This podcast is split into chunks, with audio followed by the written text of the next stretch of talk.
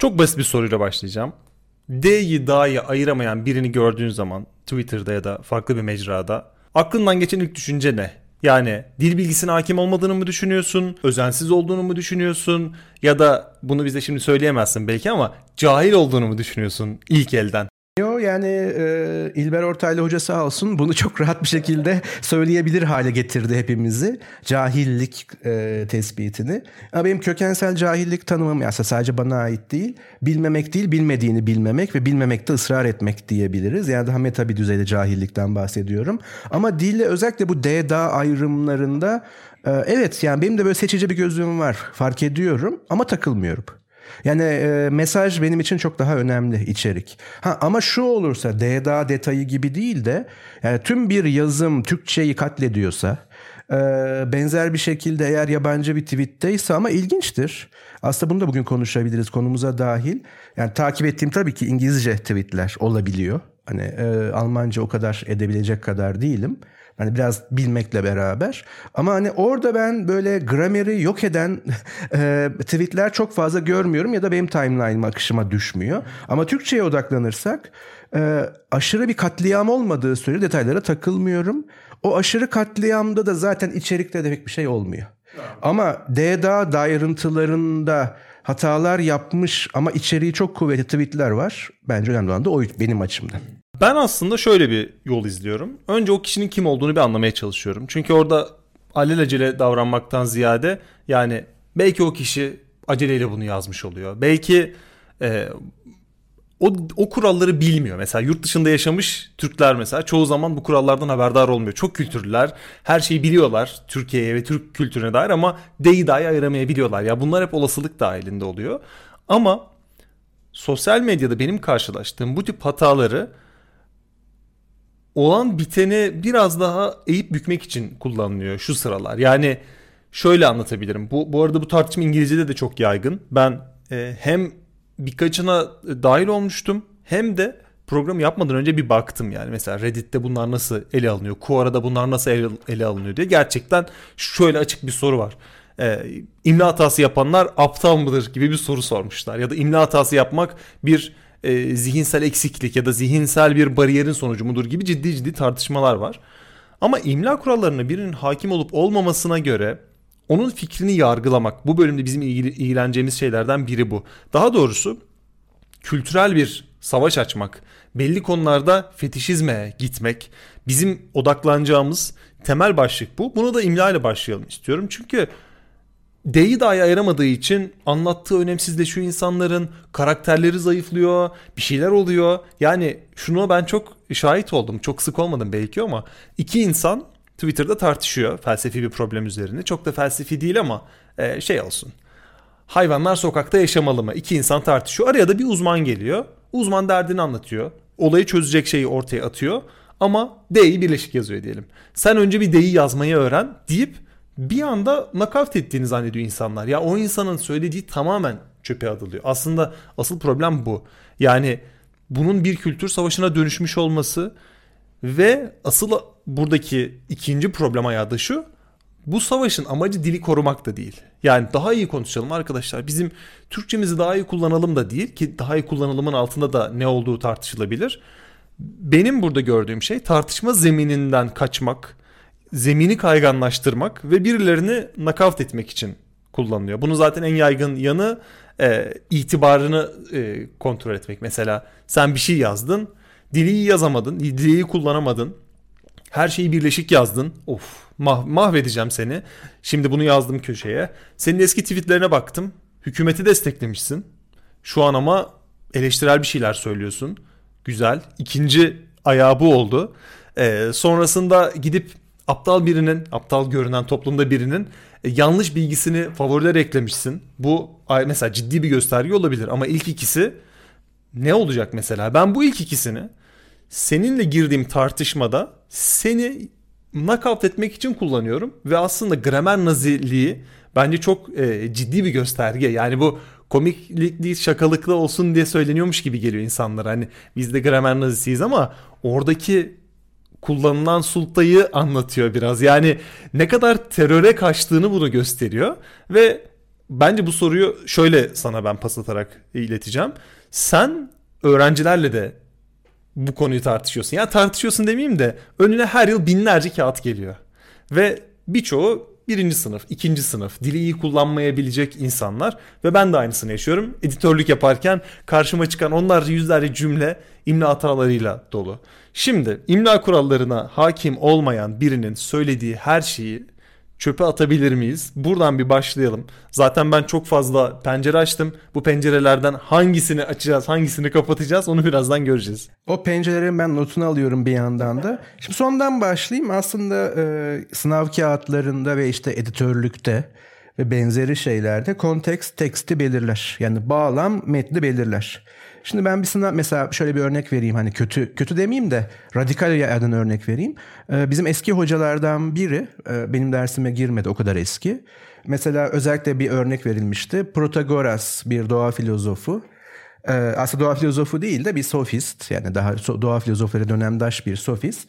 Ee, o mesela kağıtta Protagoras yanlış yazılmışsa o ağların yeri vesaire kağıdın tamamını çizip okumazmış. Ya da işte Nietzsche aslında göründüğünden çok daha zor yazılır. Orada işte Z'yi atlarsan kağıdı okumazmış. Önce filozofun ismini yazmayı öğren tavrıyla.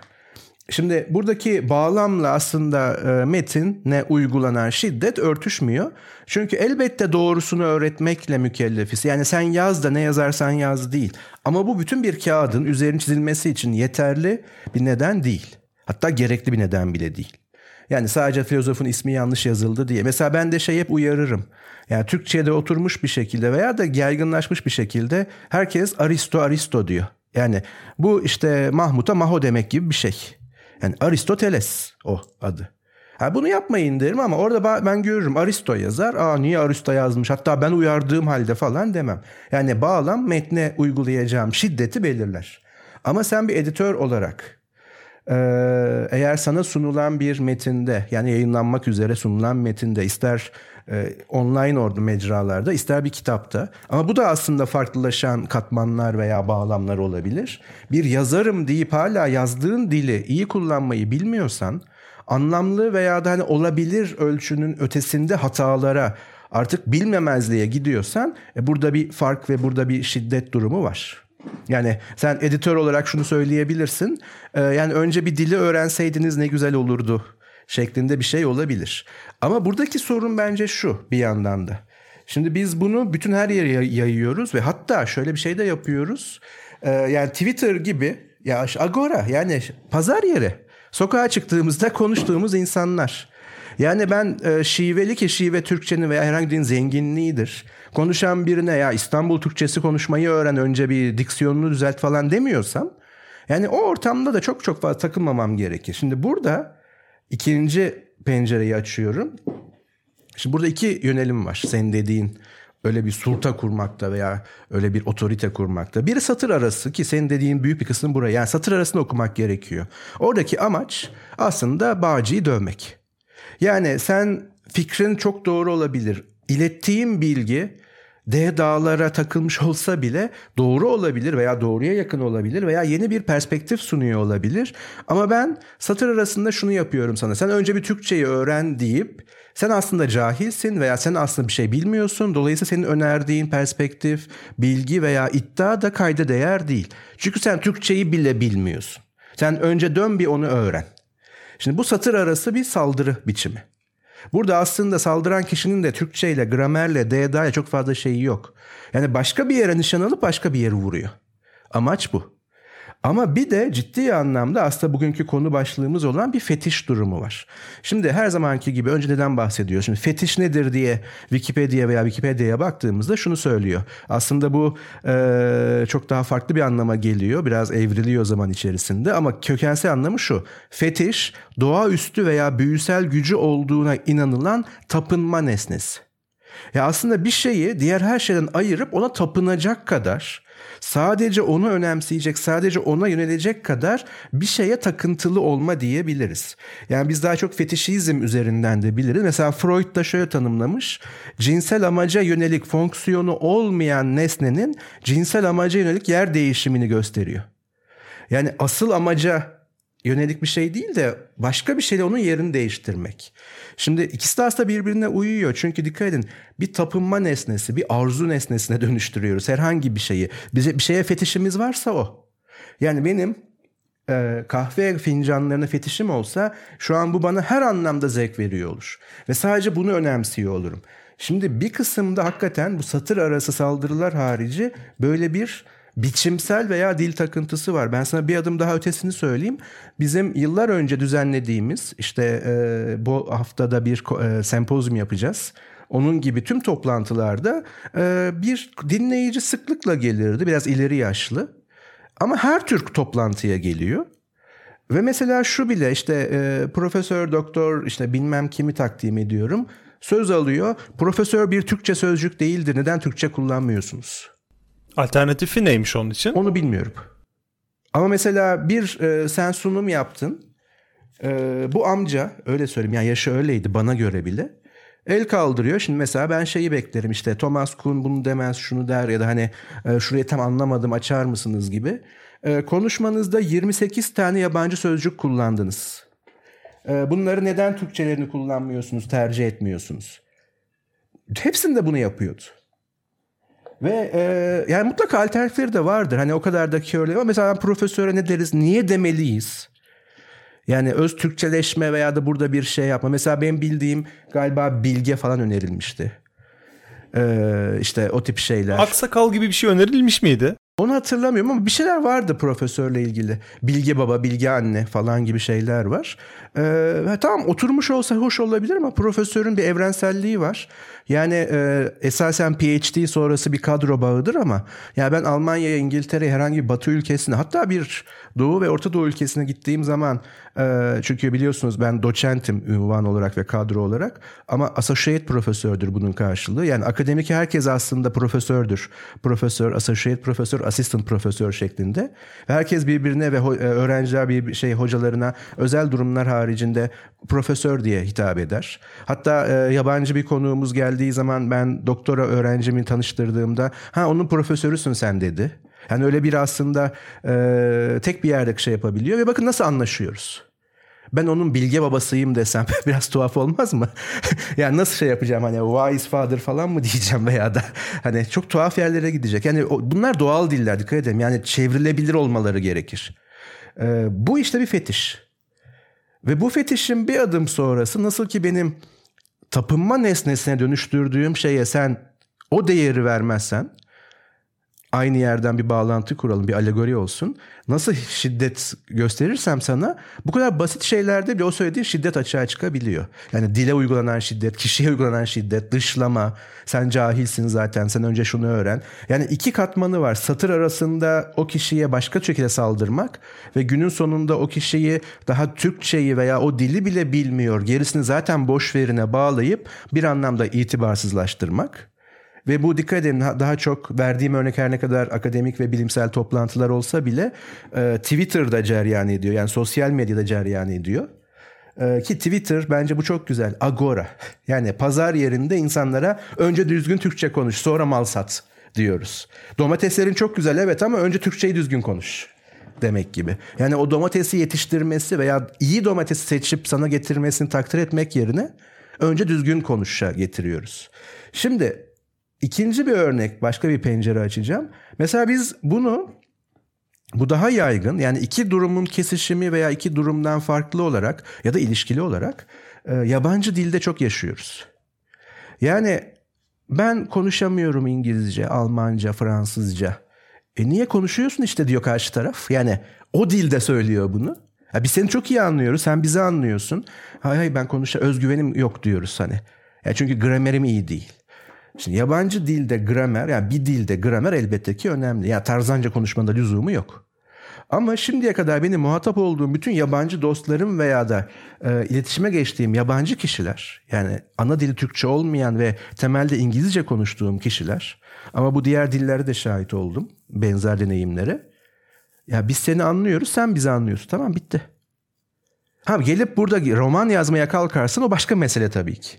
Ama biz mesela o kadar gramere takıntılıyız ki hatta e, şöyle bir ciddi durum vardır. Bunun tabii ki pek çok sebebi vardır kanaatimce ama e, Türkiye kadar uzun yıllar ve erken özellikle İngilizce eğitimine, öğretimine başlayan ülke sayısı azdır. Ama bu kadar İngilizce konuşamayan sonucunda, ürününde yine ülke azdır. Yani bu kadar çok İngilizce eğitimi verip bu kadar az İngilizce konuşabilen insan nasıl üretiyoruz veya bilen? Çünkü yani şöyle bir iddia vardı. Bunu dil bilimciler ve İngilizce öğretmenleri tabii ki çok daha net tartışabilecektir. Bir gün mikrofonlarımız da açık olur. Böyle bir tekrar gündem yaparsak. Belki de gramer çok fazla yüklendiği için. Çünkü neredeyse o Cem Yılmaz'ın dediği gibi yani İngiltere kraliçesinin grameri gibi gramer öğretmeye çalışıyoruz veya önce bu diyoruz. Ondan sonra anlaşmak, iletişim, komünikasyon. Halbuki önce bir pratiği öğrensek aynı zamanda en azından o fetişi aşabilsek, o kendimize güvenimizi başta belki kazanabiliriz. Son açtığım pencereden bir yerden daha bir e, sızmaya çalışayım. Ve tabii e, Twitter her ne kadar yeni Agora, Sokrates'in yeni e, mecrası olmuş olsa da şimdi Sokrates tahminimce şunu yapamıyordu. Tabii ki şehir devlet daha e, düşük bir nüfus. Herkes bir herkes değil ama Agora'ya çıktığın zaman çoğu insanı tanıyorsun. Ama Sokrates mesela seni seninle karşılaşıyor. E, Tenselus Erdemus diyor. İşte sen geçenlerde şöyle bir şey söylemişsin. Sen şunu beğenmişsin. Sen şunun şey sempozyumuna gitmişsin. Tiyatroda şunu alkışlamışsın demiyor. Erdem nedir sence? Tanselus Erdemus diyor. Böyle başlıyor. Ama yeni sosyal medya mecralarında, Twitter agorasında stalklamak diye bir şey var önceye doğru neler paylaşmış, neler söylemiş, kimleri beğenmiş. Buna Instagram'ı veya daha eski olmak kaydıyla, daha az olmak kaydıyla Facebook'u da katabilirim. O kimle arkadaşmış. Yani Agora'ya çıkıp aslında stalklayabildiğimiz bir Agora ve orada kullanacak çok malzeme var. Tam senin söylediğin gibi. Sen bundan 5 ay önce şunu likelamışsın. E şimdi muhalif görünüyorsun hayırdır? O iyi bir şeydi veya fikrimi değiştirdim. Ya elimdeydi. hani şu an söylediğime odaklan. Elbette ki bu omurgasızlık veya da her şeye gitmek anlamında değil ama herhalde bu kadar stalklamak bakın bu da artık bir kelime oldu.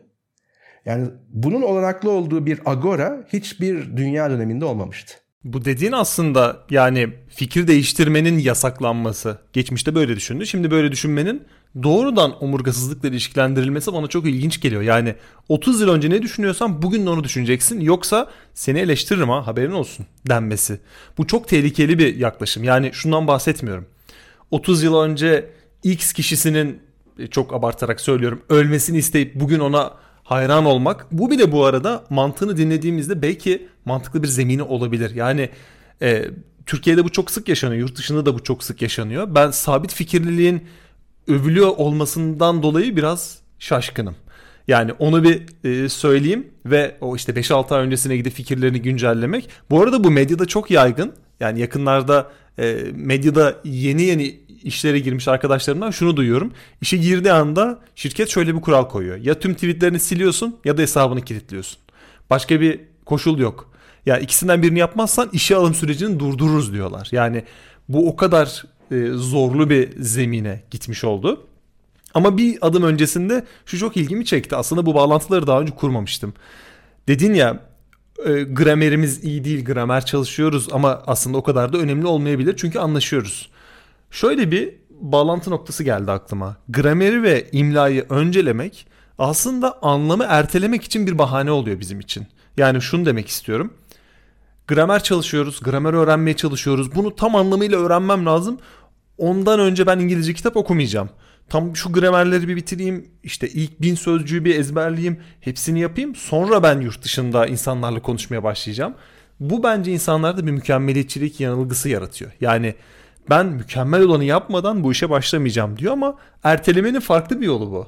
Bir iç rahatlığı yaratıyor ama aslında erteliyor. Yani sen diyorsun ya ben bir yabancı ile konuştuğumda, bir İngilizle konuştuğumda aynısını ben de yaşıyorum. Ya anlaşıyoruz diyor. Mükemmel konuşmuyoruz ama anlaşıyoruz diyor.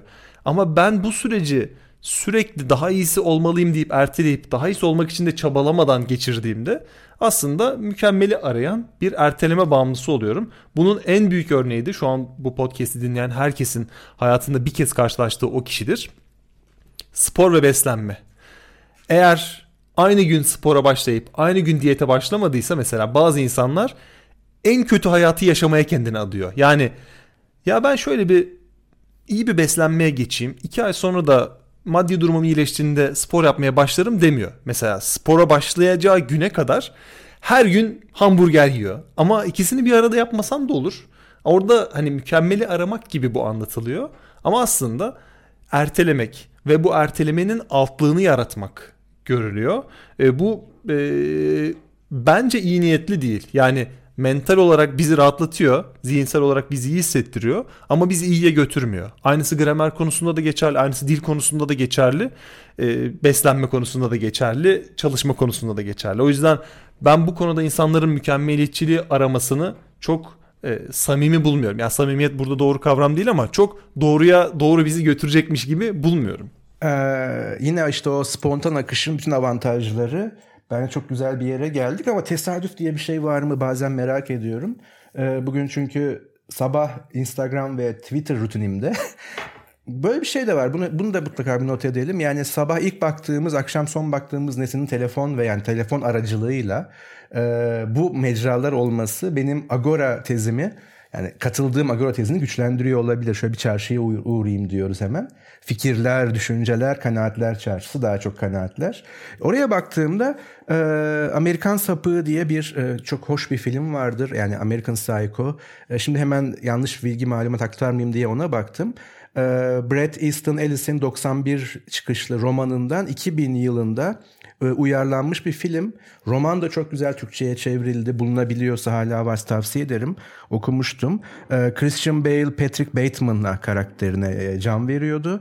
Ve Christian Bale o filmde işte zaten romanın da karakteri Patrick Bateman'ın böyle olması gerekiyordu. Müthiş bir vücut. Gram yağ yok. Her tür bakım vesaire. 80'lerin o mükemmellik fetişini anlatıyor. Yani biz konumuzda hala oradayız. Ve e, orada mesela şöyle bir sahne vardı ve tabii romanda geçen bir bölüm vardı. İşte bunlar iş adamları o 80'lerin parlayan borsa çocukları. Aslında iş yaptıkları belli değil. Yani fiilen bir şey yaparken görmüyoruz ama müthiş böyle ofisleri var vesaire. Hani o yatırımcı, yatırım danışmanlığı şeyi ee, ve o zaman böyle kart vizitleri aslında şimdinin telefonları gibi düşünebiliriz. Yani benimki iPhone 14 Pro Max bilmem ne demek gibi bir şey. Kart vizit bastırıyorlar ve e, bunlar işte dokusu, işte kullanılan font, işte bir yerde böyle benim kartımı vereyim sen bak yeni kartımı gördün mü ve Patrick Bateman çok güzel bir kart bastırıyor ama e, yani diğer oradaki karakterinki böyle çok kemiksi bir doku falan ve şöyle oluyor şimdi şu an tabii ki podcast'tekilere sadece betimleyeceğim ama şey görecek eli titriyor tutarken çünkü müthiş bir kıskançlık ve fetiş yaşıyor. Nasıl onda daha mükemmel bakın ilginç daha mükemmel. Halbuki mükemmel tamamlanmış. Daha mükemmel, daha mükemmel. Bu da bir fetişti ve Amerikan sapı, Amerikan psycho bu konuda çok güzel bize 80'ler klasiğidir bu anlamda ve gerilimdir. Çok ciddi bir gerilim ama e, belki de o şey filmlerinde ilklerindendir. Öyle mi böyle mi? Fight Club gibi düşünelim yani. Sadece spoiler vermeyeyim ama. Şimdi günümüzde de fetişler bu noktaya gelmiş durumda. Yani mükemmellik fetişi. Hiçbir hata yapmayacağım. Bunu nereye bağlayacağım? Yani şimdi ben fikrimi değiştirdiğimi söylersem demek ki fikrim aslında değişebilir. Bir önceki fikrim doğru değildi. O zaman bu da doğru olmayabilir. Evet. Ama bu mükemmellik fetişimize zarar veriyor. Yani biz tutarlılıkla yani bir söylemin tutarlılığıyla sabit fikirliliği karıştırıyoruz. Evet tutarlılık isteyebiliriz. Yani şu an bana anlattığın şeyin tutarlı olması lazım. Şu an bana anlattığın. Bunun ard alanındaki hikaye inişler, çıkışlar, fikir değişiklikleri olabilir. Yarın yine fikrini değiştirme hakkın var ama o değiştirdiğin yer tutarlı olmalısın. Bakın tutarlı olmak orada kalmak değil. Ama sabit fikirlilik tam olarak orada kalmak. Yani ben 30 yıldır aynı şeyi söylüyorum. Ya da ben mesela şunu severim. Ee, üniversite öğrencilerine ben bunu hep tavsiye ederim. Yani bunu sorarım daha doğrusu tavsiye değil. 4 yıllık bir eğitim. Standart yani lisans eğitiminden bahsediyorum. Soru şu. 4 yılda nasıl değiştiniz? Ne kadar değiştiniz? Yani hocam ben hiç değişmedim. Geldiğim fikirlerle çıkıyorum. O zaman ya sende bir sorun var ya üniversitede bir sorun var. Radikal değişimler olmak zorunda değil ama 4 yıl üniversite eğitimi alıp hiç değişmemek nasıl bir şey? Hiç fikrinde değişmemek. Siyasi fikrinde de yani inceltebilirsin. Yani radikal bir savrulmadan bahsetmiyorum ama yani daha çok bilgi edindim, şöyle incelttim. Çok köşeliydi şimdi daha iyi gibi. Yani art değişebilir. Ya da beğenilerim değişti. Sinemayla tanıştım, romanla tanıştım. Yani bir, bir değişim gerekir. Hayır ben girdiğim gibi çıkıyorum. Ama başka bir siyasi gündemde üniversite neden tehlikeli görülüyor? İşte son zamanlarda bir tartışma ucundan değinelim sadece başka bir zaman belki konu yaparız. Medrese mi üniversite mi? Bir kere soru yanlış. Kategori hatası var. Hadi onu geçtim ama. Ee, medrese sana verdiği şey gelenek. Seni değiştirmek istemiyor. Sağlamlaştırmak istiyor. Üniversite seni dünyayı açmak istiyor. Seni değiştirmek istiyor. O yüzden siyasi olarak üniversiteyi sevmemenin nedeni aman çocuğumuzun aklı karışır. Ben bunu en çok felsefede yaşıyorum. Siz çok kafa karıştırıyorsunuz. Yani şöyle bir anekdot anlatayım. Ee, geçtiğimiz haftalarda Ankara Üniversitesi'nin bir festivalinde çocuklar için felsefe ekibiyle bulunduk. O ekibin koordinatörüyüm. Ee, bir standta sadece çocuklarla sohbet ediyoruz ve kısa tanıtımlarla ilgilenirlerse programımızı tanıtıyoruz. Hem onlara hem öğretmenlerine. Bir tane çocuğumuz yani kaç diyelim 10 yaşında 10-14 aralığıdır. 14 bile yoktur 10-12 aralığıdır. O sürekli bir şeyler sordu. Ben ona Sokrates vari sorular sordum. En son şunu dedi. Siz bizim kafamızı karıştırmaya çalışıyorsunuz. Dedim evet aynen öyle. Ama hiçbir şey bilmiyorsunuz siz. Okul okudunuz mu dedi. Çocuk diyor bunu. Çok da şirin. Zaten benim işim onlarla. Ama bakın nasıl bir bariyer. Kafamı karıştırmaya çalışıyorsun. Sakın karıştırma. Ben benim kafamı karıştıranlara minnettarım. Kafa karıştırmama şeyi bir fetişin de aslında. E, fikir fetişi veya da işte doğru yerde duruyorum fetişi. Yani fetişi hatırlatıyorum. Yani umarım hala açıktır. Evet açık. E, doğaüstü veya büyüsel gücü olduğu inanılan tapınma nesnesi. Ben şunu şöyle revize edeyim. Mutlak hakikat olduğuna inanılan tapınma nesnesi. Yani inanç anlamında değil. Şuna tapınmaktan bahsediyorum. Kalem. Sadece bu kalem. Klavye neymiş? Kalem. O da tüy kalem mesela. Ama hepsi ayrı olabiliyor. İşte sıkıntı bu zaten. O yüzden e, gramerde DD ayrımı da sabit fikirlilik talebi de, mükemmellik isteği de sürekli mükemmel. Hiç hata yapmayacağım. Değişmiyor. Çünkü mükemmel değişmez. Adı üstü mükemmel. Daha mükemmel diye bir şey yoktur. O zaman mükemmel değildir. O da değildir çünkü onda dahası vardır muhtemelen. Bu tip şeyler bizi işte dili mükemmel kullanmak. Ya tabii ki arzu edilir bir şey. Yani ben her dünya, dünyada konuşulan, yazılan, yaşayan her dili bilmek isterdim. Hem de en detayına kadar ve hatasız kullanacak kadar imkansız. Bu insanüstü bir şey. Kaldı ki ben şunu diyorum. Kendi ana dilimizi bile daha iyi kullanmak mümkün. Ana dilimiz her neyse. Daha iyi kullanmak mümkün. Daha iyi yazmak mümkün. Ama mükemmel bireyin dili mükemmel kullanması veya mükemmel hakimiyeti bence mümkün değil. Ha tabii ki DDA ayrımı veya nokta virgül çok basit gramer kurallarında veya işte kiplerde şunlarda bunlar demiyorum ama tüm bir dili tüm kelime haznesiyle ve tüm kullanımlarıyla tüm yerelliğiyle ve tüm ulusallığıyla bilmek ve kullanmak diye bir şey olabilir mi? Dil daha büyük bireyi aşan bir şey. Aslında Wittgenstein haklı. Dil oyunlardan oluşuyor. Dil oyunları. Her oyunu bilemezsin. Yani ben basketbolu çok iyi oynuyorsam çok iyi futbolcu değilim. Ama dikkat çok iyi takım oyunları oynuyorum diye çok iyi bilardocu değilim çünkü o da oyun. Ya da bireysel oyunları oynuyor. Ya da satranç oyuncusuyum diye çıkıp 40 kilo 42 kilometre maraton koşamam. Bunlar hepsi farklı oyunlar. Ama hepsi oyun olmak bakımından bir ailenin mensubu. Dil de bu oyunlardan oluşuyor. Ve her oyunda iyi olamayabilirsiniz. Ama dilin gün sonundaki şeyi bu oyunun anlamlı olması, karşılıklı olarak bir yere varması. E bu da iletişim veya bir anlam aktarımı, anlam üretimi. Şimdi sen bunu elinin tersiyle ittiğin zaman başladığımız yere geliyoruz. Ya bir fetişim var. Ha bu nasıl çözülür? O ayrı. Tabii hemen şunu da söyleyelim. İşin sosyolojik ve felsefi boyutundan bahsediyoruz. Yani psikolojik boyuttan bahsetmiyoruz. O bizim işimiz değil.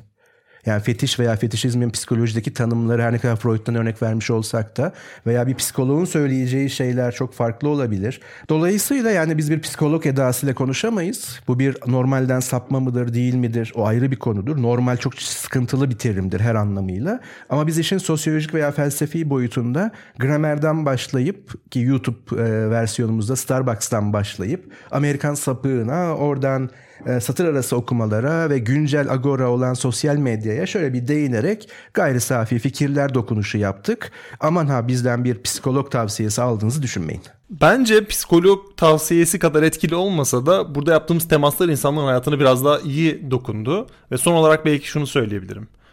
Bu tip fetişlerin özellikle gramer naziliğinin, bunun övülmesinin yarattığı bence ortak bir grup aidiyeti var ve grup tarafından sahiplenilme var. Yani ben birinin gramer hatalarını afişe ettiğimde ve onunla dalga geçtiğimde kimse bana karşı çıkmayacak. Çünkü çıktığı anda orada oluşan kutsalın karşısında olacak ve onu da ben hızlıca alıp kündeye getireceğim. O yüzden e, bu tip konularda garanti yola girmek, garanti tabiri caizse etkileşime girmek bizim için bir yol ve bu yüzden de bu kadar çok tercih edildiğini düşünüyorum. Girdiğimiz bence arklar e, çok e, benim için zihin açıcı oldu.